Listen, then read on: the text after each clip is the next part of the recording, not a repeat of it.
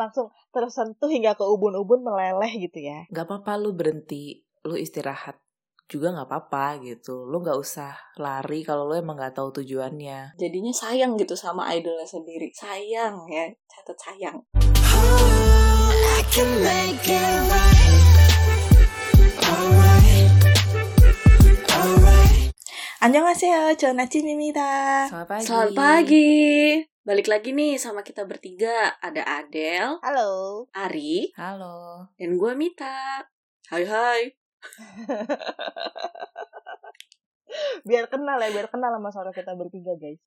Iya. Selamat datang kembali di podcast kita Joanna Cim. Ciao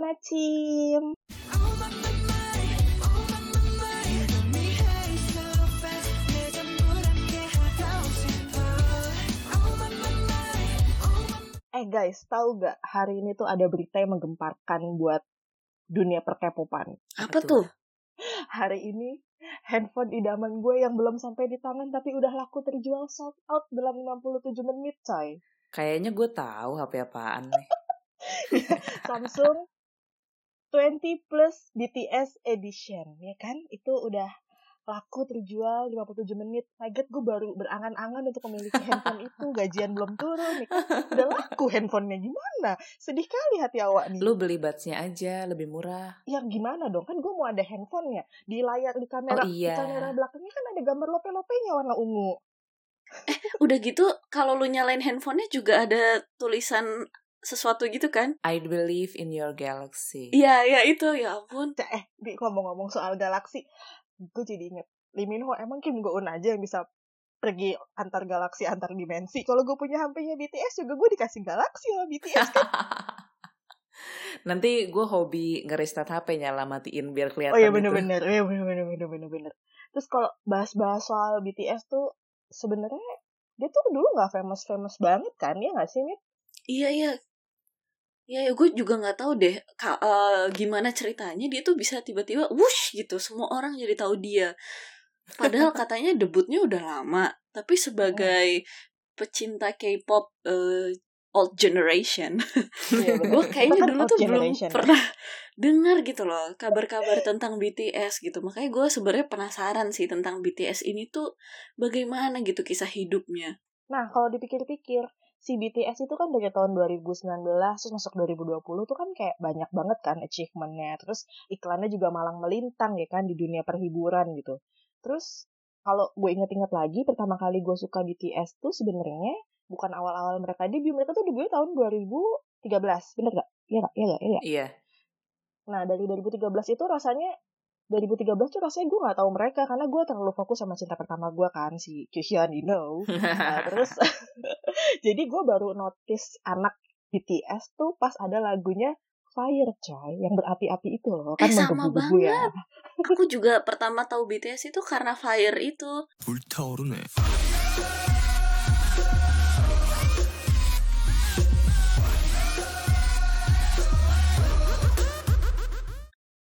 Iya kan, jadi kayak gara-gara itu gue baru mulai tahu, oh baru notice nih si BTS gitu. Cuman ceritanya kayak mereka bisa sukses atau gimana kan gue nggak tahu ya. Ini ada di antara kita tuh sebenarnya ada army kan, army yang official resmi itu kan, Mit. Iya kan, Mit? Iya kayaknya akan lebih eh, bisa dipercaya gitu omongannya kalau Army yang menjawab gitu. Iya bener bener bener. Kenapa sih coba coba Ari jelaskan? Why? Kenapa? Weo BTS bisa sukses tuh apa alasannya? Ya nggak tahu lah. Emang gue yang bikin sukses. Bener bener bener. Enggak, tapi kayak mereka tuh kan lumayan lama ya, lumayan lama dari 2013 sampai akhirnya menjadi seperti sekarang tuh kan untuk ukuran idol tuh hitungannya lama gak sih? Gue gak tahu ya karena sih. karena kan kalau Super Junior mungkin karena dulu saingannya juga sedikit kayak mereka langsung boom kan kayak 2PM juga kesukaan Nita zaman dulu kan yang yang old generation Old, tuh ya. kayaknya nggak butuh waktu lama gitu loh buat naik kelas gitu. Nah kalau BTS kan kayak kita bisa bilang dia lama lah naik kelasnya gitu. Eh gue sempat dengar katanya dia mau bubar ya dulu. Bener nggak tuh? Nah Ses. iya, gue sempat denger juga katanya dia adalah grup yang mau bubar itu gimana? Zamannya BTS debut kan 2013 tuh. Dalam setahun itu, zaman itu rookie-rookie yang debut tuh ada kali 100 grup dan solois yang debut. Jadi survival perjuangannya tuh susah banget persaingannya. Apalagi mereka dari agensi Nugu, apaan tuh Big gitu kan. Bukan siapa-siapa. Terus gak ada backingan duit, gak ada backingan broadcasting, gak ada backingan koneksi lah. Kayak apa banget ya? Kalau misalnya sebagus-bagusnya penyanyi atau grup gitu, tapi kalau nggak ada promosi, orang nggak tahu, nggak ada fansnya, ya nggak akan naik lah. Tapi dulu bukannya si bosnya Big Hit tuh bekas orangnya JYP ya, ya nggak sih? Kayak gue pernah baca di suatu tempat dia pindahan dari situ atau dia orang situ gitu. Kalau Bang PD sama JYP mereka sama-sama produser. Bukan kalau JYP kan dia ikut nyanyi juga, jadi orang lebih tahu dia kan. Tapi kalau Bang PD dia produser doang. Nah, tapi mereka berdua tuh hmm, kerjaan utamanya adalah bikin lagu, ngelatih penyanyi, bikin anak-anak jadi idol gitu. Tadinya mereka kerja bareng di JYP, terus JYP eh, eh terus Bang Syokpi Dinim mereka bikin big hit, terus ya udah mereka kayak tuker-tukeran mereka tuh eh tuker-tukeran idol, tuker-tukeran anak tuh udah kayak pindah-pindah daycare gitu. Kayak dulu kan gue ngikutin 2AM banget. 2AM bisa album ini rilisnya di YP. Nanti berikutnya rilisnya dibikin, ntar balik lagi. Suka-suka lu lah. BTS tuh kalau nggak salah idol pertamanya Big Hit kan? Atau bukan? Enggak sih, kalau idol sebenarnya ada yang girl group, cuma kan nggak lama. Terus ada duo juga Ome. Cuma kalau idol cowok emang big, eh, BTS tuh pertama. Nah,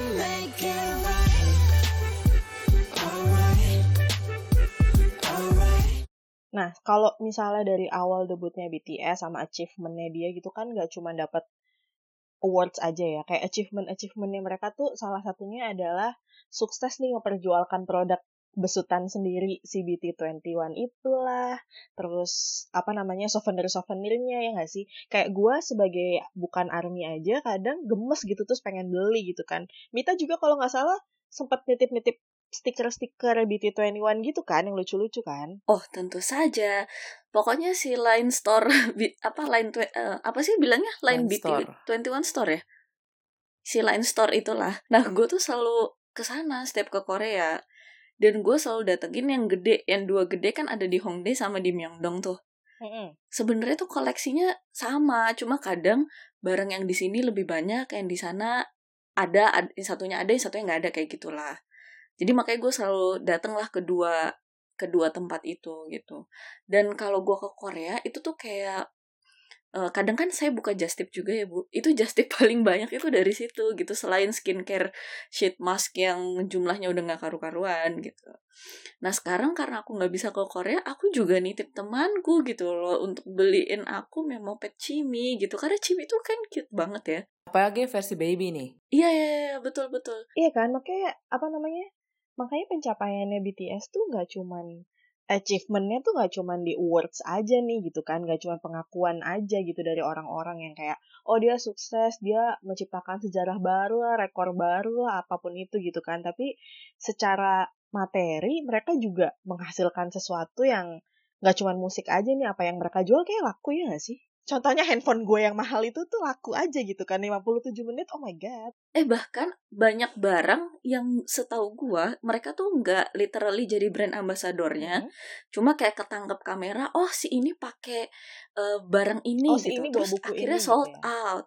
Iya, heeh. kalau nggak salah ad- mereka sempat apa muncul di V Live gitu ya, Mhm. terus nggak sengaja kelihatan pakai dauni atau dijelasin dauni, I don't know, tapi di Korea tuh langsung sold out gitu si Oh, luar dauni. biasa.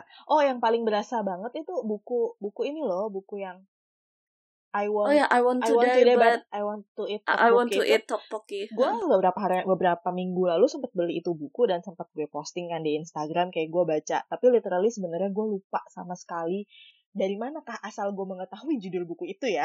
gue lupa asalnya dari mana. Pokoknya tiba-tiba pas gue lihat kayak, wah gue mau beli buku ini nih, tapi penyebabnya kenapa gue mau beli itu sebenarnya gue lupa kenapa kan. Hmm. Terus tiba-tiba teman gue refill lah dia dia dia nge-replay dia bilang eh wah ini buku yang dibaca RM ya seketika gue inget oh ini alasan kemarin gue mau beli karena ini buku dibaca sama Ternyata. Apalagi mereka tuh seneng merekomendasiin hal-hal yang mereka suka, yang lagi mereka baca, lagi mereka dengerin. Jadi supaya stay connected with fans gitu. Biasanya ada yang nanya, "Ah, mau rekomendasiin dong buku kamu yang yang kamu baca apa?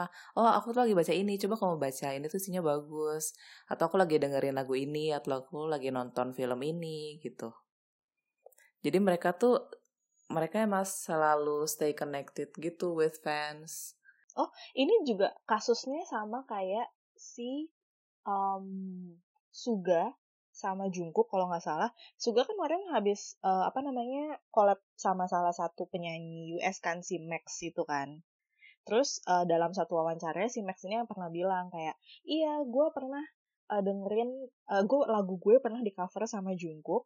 Terus dalam satu malam lagu yang di cover itu jadi nomor Wah. satu di Korea. Terus yang gue pikirin pertama kali adalah siapa sih nih orang berani-berani nyanyiin lagu orang terus tiba-tiba jadi nomor satu gitu di sana gitu kan. Terus dia penasaran dan dia mulailah googling soal BTS. Terus dia kayak apa namanya thanks to Suga and Jungkook karena mereka berdua ternyata mempromosikan lagunya si Max ini gitu. Makanya si Max tuh kayak so happy gitu. Saturday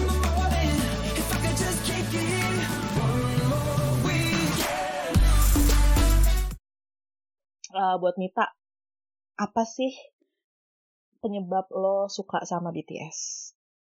Kalau dia kan, kalau Ari udah jelas dong. Dia udah jelas emang dia ngefans aja gitu. Kalau lo kan sebenarnya sama kayak gue, musiman. eh gimana ya kalau di kalau dipikir-pikir mungkin karena gue suka lagunya sih. Jadi gue di- dari BTS itu awalnya ya karena lagunya si Fire itu gitu. Dan sampai sekarang gue juga masih dengerin lagu mereka. Bahkan di mobil gue itu ada si album Love Yourself itu ada di mobil gue gitu. Jadi di jalan tuh instead of dengerin Spotify aku biasanya dengerin album BTS selain tentunya album artis kesukaan gue ya. Tapi album BTS tuh juga ada di situ.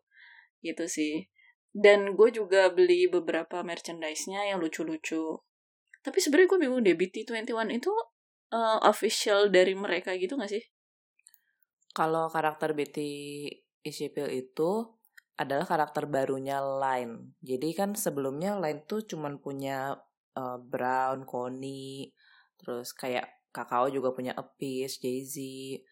Nah, terus mereka tuh ingin revamp gitu. Mereka bikin karakter-karakter baru, baik Kakao maupun Line. Nah, Line-nya ini, si Line ini menggandeng BTS supaya bisa ada embel-embelnya. Ini created by BTS gitu. Padahal mah konsep konsepnya doang. Yang nanti yang finishing gambarnya mah artis-artisnya lain. Gitu. Kecuali yang emang udah bisa gambar. Kayak Jungkook tuh dia kan emang pinter gambar tuh. Langsung jadi tuh si Cookie. Ya ya. Eh, gue jadi inget sih selain lagu-lagu mereka gue tuh juga suka nonton mereka perform gitu loh. Karena menurut gue eh, mereka tuh kalau perform sangat powerful dan suaranya tuh stable. All out banget ya.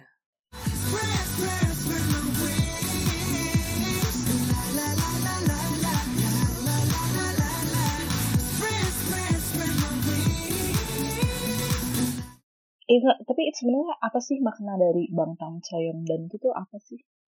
Jadi kalau Bangtan sendiri itu artinya tuh memantulkan atau menolak sesuatu biasanya dalam konteks Hmm, Bangtan Joki Oke. yaitu rompi anti peluru.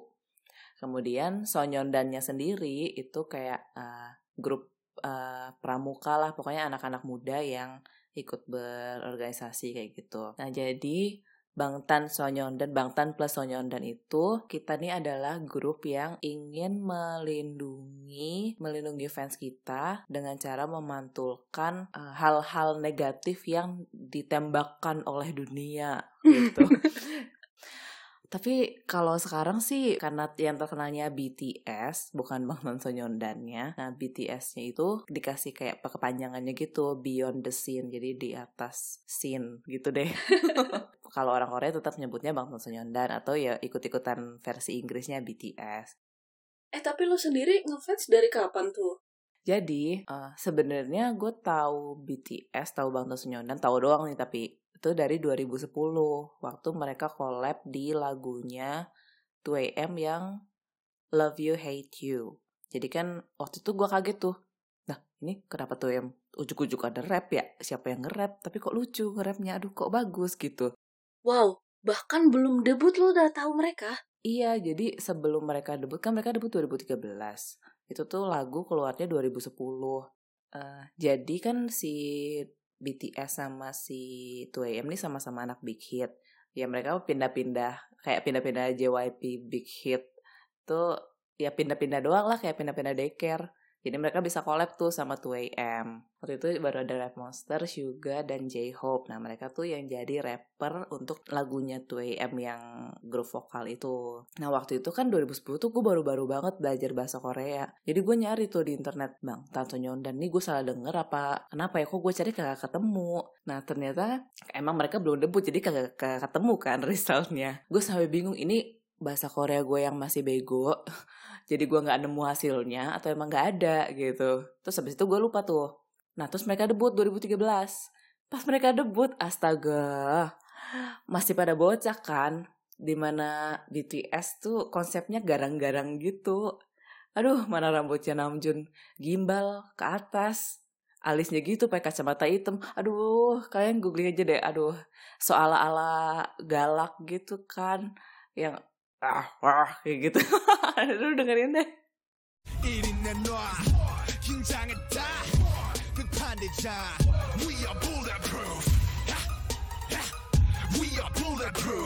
Padahal waktu itu kan sebenarnya mereka masih belia banget kan, cukup belia. bahkan kayak masih masih pijik banget kan, masih, masih pijik bayi, gitu. Kayaknya masanya ketika BTS debut tahun 2013 itu sama eh ketika Shiny debut ya gak sih? Waktu Taemin debut kan juga masih Masih unyu-unyu. Iya, belia banget kan waktu replay itu. Cuman kan mereka temanya emang cute. Nah, kalau BTS kan temanya laki gitu ya. mereka temanya gitu. garang tapi mereka tuh masih bocah Tapi keberhasilan apa sih kayak apa sih yang bikin lo bangga gitu dari BTS yang dulu lugu terus sekarang jadi BTS yang tampan menawan ya kan?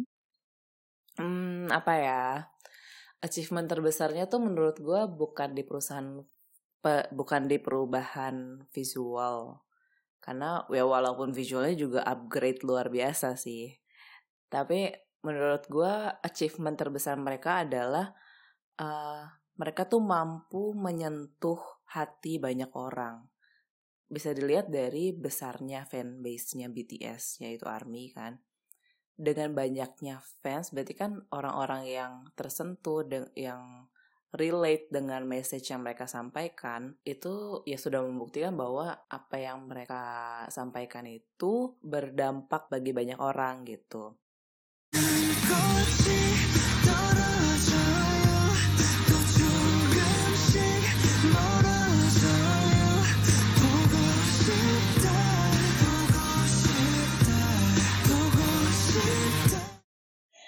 Mereka tuh semenjak debut sampai sekarang tuh salah satu idol yang aktif untuk menunjukkan apa yang sedang mereka lakukan ya sih. Karena kalau dari kalau dari gue gak tahu ya kalau Suju kan ketika mereka sekarang udah pada dewasa gitu ya udah kelar pada wamil mereka baru bikin namanya Suju TV kan baru bikin apa sih? SJTV ya ya channel masing-masing gitu. Baru bikin channelnya mereka gitu. Nah dulu ketika V-Live baru awal-awal booming, terus kayak YouTube juga masih cere-cere kan yang ikut, si BTS tuh kayak cover lagu lah, terus bikin vlog apalah segala macam. Bahkan gue tahu dari temen gue tuh, apa ya, mereka tuh memanfaatkan sosial media banget gitu kan. Jadi dulu tuh mereka tuh nggak ada exposure TV sama sekali. Jadi nggak ada variety show, nggak ada music show. Ya gimana mereka caranya supaya bisa diketahui orang adalah bikin konten-konten online. Mereka upload di YouTube, mereka upload di sosial media. Kemudian mereka juga memanage fans di mana dulu tuh kan 2013 tuh gue masih ngikutin B1A4 banget kan. Nah, fan manajernya B1A4 tuh pindah ke Big Hit terus manage BTS. Dan itu tuh gencar banget mereka yang namanya melibatkan fans banget dalam setiap promosi kayak gitu. Jadi fans-fansnya juga ngerasa, oh gue dihargai nih, gue disayangi nih sebagai fans. Nah, dengan tidak adanya exposure di mainstream media, mereka selalu upload ya apa pun lah gitu. Nge-vlog daily, eh, apa sih nge-cover lagu, bikin dubmesh zaman dulu. Kalau sekarang mungkin mereka tiktokan kali ya. Akhirnya mereka sukses menjadi seperti sekarang ya. I can make it right. Alright. Alright. Dari banyaknya album BTS nih, mana sih yang paling lo suka? Album ya, eh sebenarnya album pertama yang gue beli tuh zaman Hwayang Yeonhwa. Itu waktu kebetulan waktu gue di Cina. Jadi sebelumnya tuh gue ngikutin BTS lagu-lagunya, tapi title tracknya doang. Terus nggak nggak niat beli album lah gitu kan karena karena nggak ngikutin banget. Tapi akhirnya gue beli album yang Forever itu repackage-nya Hwayang Yeonhwa. Dan setelah itu kayak hooked banget on BTS. Jadi gue beli album-album setelahnya, gue beli album-album sebelumnya gitu. Dan album yang gue suka kalau ditanya, gue selalu jawabnya album yang terbaru. Karena itu adalah album yang menunjukkan current state mereka, di mana itu tuh mengandung apa yang ingin mereka sampaikan saat ini gitu. Karena mereka selalu berfokus kepada growth, pertumbuhan. Jadi konten-konten mereka dari zaman mereka debut kan itu mereka masih zaman sekolah, masa muda, sekarang udah mulai beranjak dewasa. Terus message-message yang disampaikan juga makin lama tuh makin berisi, makin berbobot, makin berat juga gitu. Jadi gue selalu suka dengan album mereka yang terbaru gitu. Eh kalau di BTS itu beda versi ada bedanya nggak sih dari albumnya? Soalnya kalau 2PM beberapa eh, al- beberapa album mereka tuh kalau beda versi fotonya tuh beda-beda konsep. Terus eh, biasanya ada satu si Ground itu dia ada limited edition di mana lagunya tuh juga beda jadi lebih banyak. Jadi kayak ada lagu karangan si apa membernya masing-masing gitu. Kalau BTS gimana tuh? Kalau isinya sih sama aja. Kalau album K-pop kan rata-rata beda versinya cuma beda photoshoot doang. Kayak misalnya versi A itu versi cute, versi B versi seksi, versi C versi alay gitu.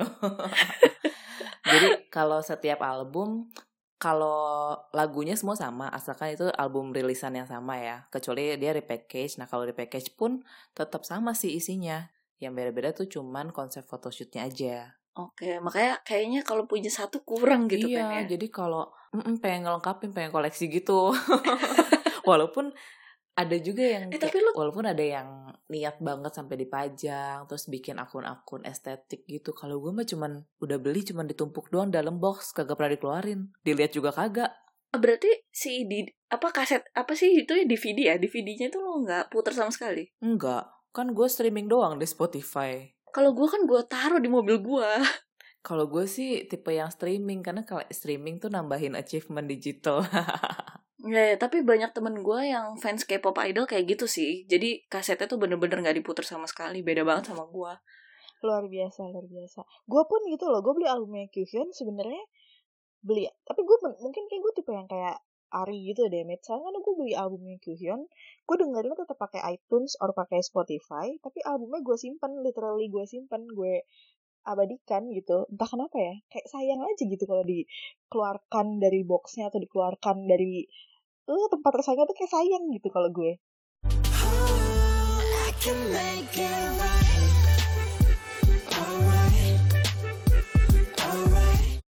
Nih, jadi nih, tadi gue mau nanya, kalau misal lo nih disuruh milih satu lagu BTS, eh, salah, satu video klip BTS mana yang paling lo suka, lo pilih yang mana? Kalau gue pribadi sebenarnya gue paling suka yang, karena gue suka lagunya juga, gue eh enggak, lagunya gue lebih suka dari semua lagu mereka, gue suka lagu mereka yang Fire, tapi untuk video klipnya gue paling suka Boys with Love. Boy with Love.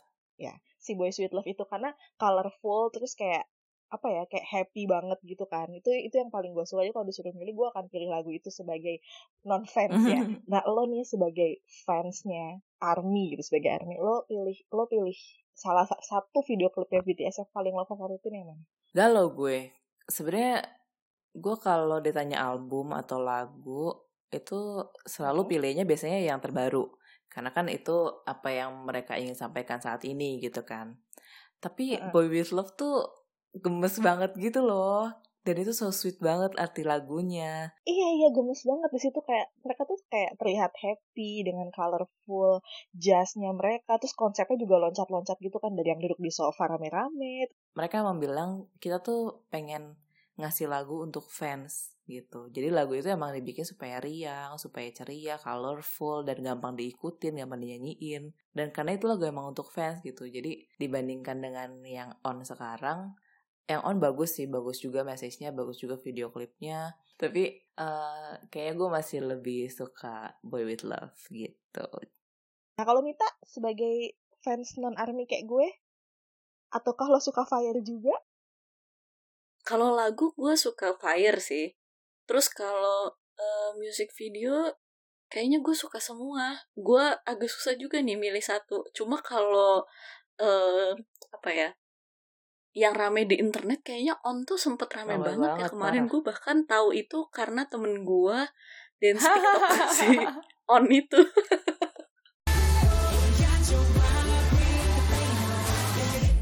Selain album, lagu, lagu-lagu mereka mungkin yang emang famous di radio, di YouTube tiba-tiba jadi trending, gue tuh suka banget ngeliatin iklan-iklannya BTS. Entah kenapa, karena iklan-iklannya tuh hmm, menyenangkan gitu buat dilihat. Lo ada salah satu iklan yang apa sih Mit yang kemarin lo bilang kayak lo suka banget iklannya BTS Ada tuh? ada, gue tuh suka banget eh pertama kali nonton si iklan Hyundai itu loh, yang dia pakai kemeja eh kemeja jas putih-putih gitu kan. Eh, menurut gue di situ image-nya BTS tuh kelihatan beda banget dibanding mereka biasanya perform. Karena di mata gue BTS tuh itu Beringas. beringas, sangar, powerful gitu kan. Sementara di situ tuh kayak berkarisma, terus elegan gitu. Dan si mobil ini tuh eh, ini kan apa katanya di Hyundai-nya sendiri bilang kalau mereka tuh sekarang lagi struggling nih coy buat memenuhi keinginan konsumen atas mobil yang dipasarkan sama si BTS itu. Jadi you know kan how powerful they are gitu. Jadi kayak bukan handphone aja, mobil juga laku deh kayak kacang. Selain iklan di Hyundai, sebenarnya gue juga suka satu iklan eh, yang baru-baru ini keluar Tokopedia X BTS. Lu ada yang nonton gak sih iklan itu? Yang ada di bioskop gak sih? Bukan lain lagi ya? Eh, enggak, enggak ada bioskop karena ini keluarnya pas pandemi, which is bioskop udah tutup. Oh iya iya iya. Oh iya benar. Uh-uh. Berarti gue gue nonton yang lama. Berarti gue belum nonton tuh yang baru. Iya iya iya. Itu iklan eh, Tokopedia X BTS pas keluar, terus gue nonton, gue tuh berkaca-kaca, aku tuh terharu, merasa eh, merasa ayo kita bisa melalui ini bersama-sama gitu loh. Karena kan dia bilang eh, apa jaga jarak dulu, terus udah gitu jaga Indonesia. Kayak aku merasa diajak Oh. bergandengan tangan bersama gitu melalui pandemi ini. Iya walaupun cuman secara virtual ya kita bertemunya karena kita social distancing terus ter- terhalang jarak juga kan. Jadi walaupun cuma bisa secara virtual, secara digital kita tetap bersama-sama gitu melalui pandemi ini. Terus eh, kan kita juga kangen ya fans-fans Korea ini eh, konser Korea lah live atau sesimpel ngelihat mereka mungkin recording eh, performance mereka tapi ada fansnya gitu loh. Sekarang tuh kalau ngelihat recording-recording atau online konser tuh kayak nggak ada fansnya, nggak ada fanchannya, kayak ada yang hilang gitu. Dan gak cuman fansnya sih, idolnya pun sedih gitu kalau nggak ada yang nonton. Kalau yang gue tau dari BTS ya, setiap kali mereka perform rekaman, di mana nggak ada fansnya, mereka tuh selalu bilang, aduh kita tuh kangen sama kalian, kita sedih nggak bisa ketemu langsung, nggak denger suara kalian. Tapi eh, kita yakin bahwa kita bisa melewati ini bersama-sama dan pandemi ini akan segera selesai. Iya betul. Ya itu pesannya dari iklan itu eh, bikin aku terharu banget. Dan kalau nggak salah sehari setelah si iklan itu launch, bahkan eh, duta besar Korea Selatan untuk Indonesia, Bapak Kim Chang Bom itu juga sampai ngepost di Facebook tentang bagaimana eh, BTS eh, apa sih menyampaikan pesan yang sangat menyentuh gitu loh untuk fansnya di Indonesia gitu itu sih dua iklan BTS yang mengena di aku. Kalau Zai sukanya iklan yang mana? Kalau aku sukanya iklan iklan HP yang sold out 57 menit itu. Kenapa tuh? Jadi iklan Samsung ini kan mereka mengusung konsep burahe yaitu I purple you itu ya uh, inner jargonnya kita nih di mana uh, it means I love you kayak gitu. selain ada Borahe, selain ada Hati-Hati Ungu, itu juga ada Galaxy konsep di mana bias gue, RM, Kim Namjoon, itu dia yang bilang dia yang nyanyiin part itu di I do believe in your galaxy kayak gitu.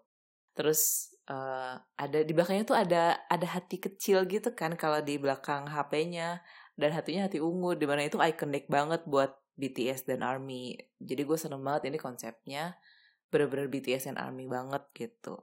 Kalau Adele sukanya iklan yang mana Del? Aku mah gak mahal-mahal.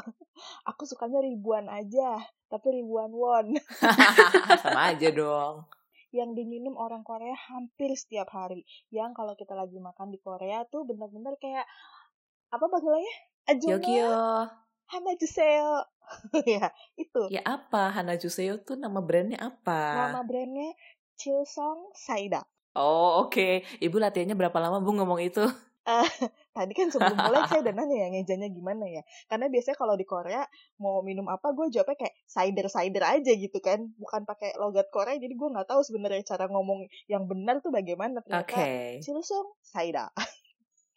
gue paling suka itu sih karena di di, di apa namanya selain gue suka brandnya beneran, in a way gue emang apa minum si Chilsongnya itu, tapi eh waktu BTS ngiklanin itu gue liat iklannya tuh kayak cute gitu loh. Terus mereka tuh apa ya gue bisa bilang konsepnya mirip-mirip sama si Boy Sweet Love itu karena colorful terus yang ceria terang gitu kan. Jadi kayak gembira aja gue liatnya di situ. Jadi kayak wow ini minuman kesukaan aku terus di endorse sama mereka. Wow I like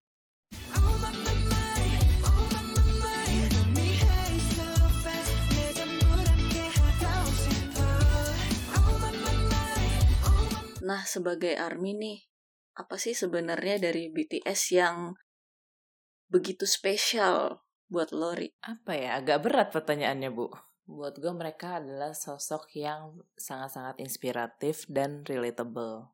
Jadi mereka menginspirasi gue dan banyak banget orang lainnya untuk satu mencintai diri sendiri, dua supaya tidak menyerah selalu berusaha. Ya lihat aja dari perjuangan mereka dari yang grup nobody, nugu gitu, nggak ada yang tahu. Sampai sekarang mereka bisa menjadi artis yang sangat terkenal, sangat sukses. Dan itu semua dari hasil kerja kerasnya mereka. Dan gue inget banget dulu waktu gue lagi capek-capeknya sama kerjaan, gue lagi down, terus mereka waktu itu rilis album baru. Nah, gue dengerin tuh di Spotify. Jadi keputarlah sebuah lagu, itu judulnya Paradise.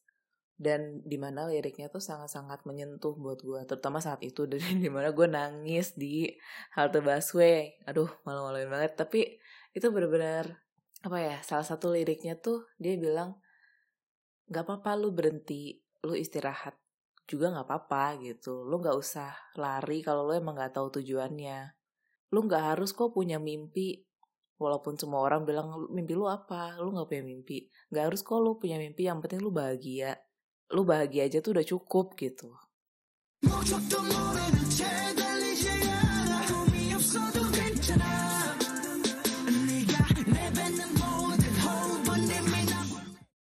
Ada lagi nih pas ceritanya gue baru pulang kantor nih. Gue cuma sempet masuk kosan masih pakai ransel masih pakai sepatu masih pakai baju kerja. Cuma sempet duduk doang. Gue denger uh, mereka bilang nih kayak kalau lu ngerasa lu lagi struggling banget, hidup lu lagi susah banget, itu jangan khawatir. Maksudnya lu tuh nggak sendiri. Kita juga lagi struggling loh. Kita sebagai di di profesi kita kita juga struggling. Tapi jangan khawatir, kita kita juga berjuang. Jadi ayo kita berjuang bersama. Dan ada satu lagi eh, ending ment lagi nih, ending ment konser di mana Namjoon bilang eh, kita berterima kasih banget sama kalian karena kalian bikin kita bahagia dan kita tuh pengen kalian menggunakan BTS supaya membuat kalian bahagia juga. langsung tersentuh hingga ke ubun-ubun meleleh gitu ya Iya, itu rasanya lo kayak sangat amat dipahami ya hatinya ya. Baru kali ini menemukan orang yang sangat amat memahami hati lo gitu ya. Mm, relatable banget mereka tuh. I can make it right Alright Wah gila. Banyak banget ya obrolan kita tentang BTS hari ini. Kayak gue belajar banyak sih kayak dari BTS nggak nggak. Gue belajar banyak dari Ari karena dia ternyata sebagai fans sangat amat memperhatikan idolnya dan yang diberikan dan yang diberikan dan memberikan itu dia imbang gitu ya. Jadi gue cukup banyak belajar gitu. Kayak bukan berarti gue nggak ngefans sama Kihim ya tolong digaris bawahi cuman cuman kayak mungkin beda beda beda taste gitu kali ya kalau BTS kan lebih yang apa konsernya dari awal dari debutnya aja udah lama banget bisa jadi terkenal sekarang akhirnya sukses tuh banyak segala hal yang bisa dipetik lah gitu iya jadi mungkin buat fansnya juga berharga banget Iya, nih, apalagi gitu. backgroundnya BTS kan dari debut tuh bukannya langsung melejit yang tadi kayak kita udah ceritain gitu ya. Dia bener-bener kayak dari nol banget, even udah debut juga. Ini tuh idol siapa gitu, even mereka juga udah berpikir untuk bubar, tapi coba deh kalau mereka nggak bertahan sedikit lagi. Waduh, udah lu nggak kenal BTS sekarang gitu kan. Dan salah satu lagi hal yang membuat gue uh, amat respect gitu sama BTS karena di beberapa artikel gue sempat baca kalau mereka adalah salah satu grup idol yang emang peduli banget sama yang namanya mental health ya gak sih? Jadi kayak uh, mental health tuh kan isu yang lumayan gede banget ya di Korea. Jadi kayak ketika itu jadi awareness dan BTS yang bawa tuh gue kayak wow impactnya bisa luar biasa gitu buat fansnya dia. Terus buat orang-orang yang gak ngefans sama mereka juga akan berimpact gitu. Jadi kayak aku bangga sekali Ari kamu ngefans sama BTS Sama sih gue juga kayak Adele, gue ngerasa eh, banyak belajar banget dari podcast hari ini ngobrol-ngobrol dengan salah satu army kita Ari. Eh, karena dari dulu sebenarnya gue penasaran banget sih eh, kenapa sih BTS itu bisa terkenal sekarang padahal dulu dia itu bukan siapa-siapa dan apa sih sebenarnya yang bisa bikin mereka terkenal ternyata banyak banget yang bisa dipelajarin dari BTS ini selain ya tadi jangan nyerah terus udah gitu gimana sih eh, lo harus bisa memaintain fansnya eh lo harus bisa memaintain fans fans juga eh, jadinya sayang gitu sama idolnya sendiri sayang ya catat Oh, sayang sayang. I can make it right. Alright. Alright. Wah ini pelajaran banget nih buat kita mungkin juga buat teman-teman uh, para pendengar Chon Acim mungkin yang sedang merasa gelisah atau sedih gitu ya jangan patah semangat guys karena ada contoh nyata nih dengan ada cerita sukses BTS tuh bisa menginspirasi kita semua untuk sukses di kemudian hari betul? Iya betul betul Jadi selalu di setiap album, setiap comeback itu ada setidaknya satu lagu yang membawa pesan positif supaya kita mencintai diri sendiri. Bahwa lu tuh berarti, keberadaan lu tuh berarti. Jadi lu harus mencintai diri lu gitu. Keberadaan lu tuh gak sia-sia. Dan kalau emang sekarang lu lagi struggling, jangan khawatir. Semua juga struggling, kita juga struggling. Tapi itu adalah salah satu proses pertumbuhan. Dan kita bisa tumbuh sama-sama gitu.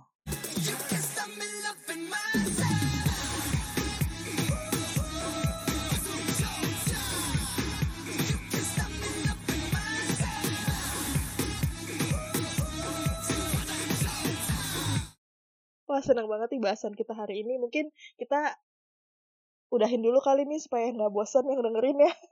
Iya nih. Sampai ketemu lagi di episode berikutnya. Chonachim. Annyeong. Annyeong.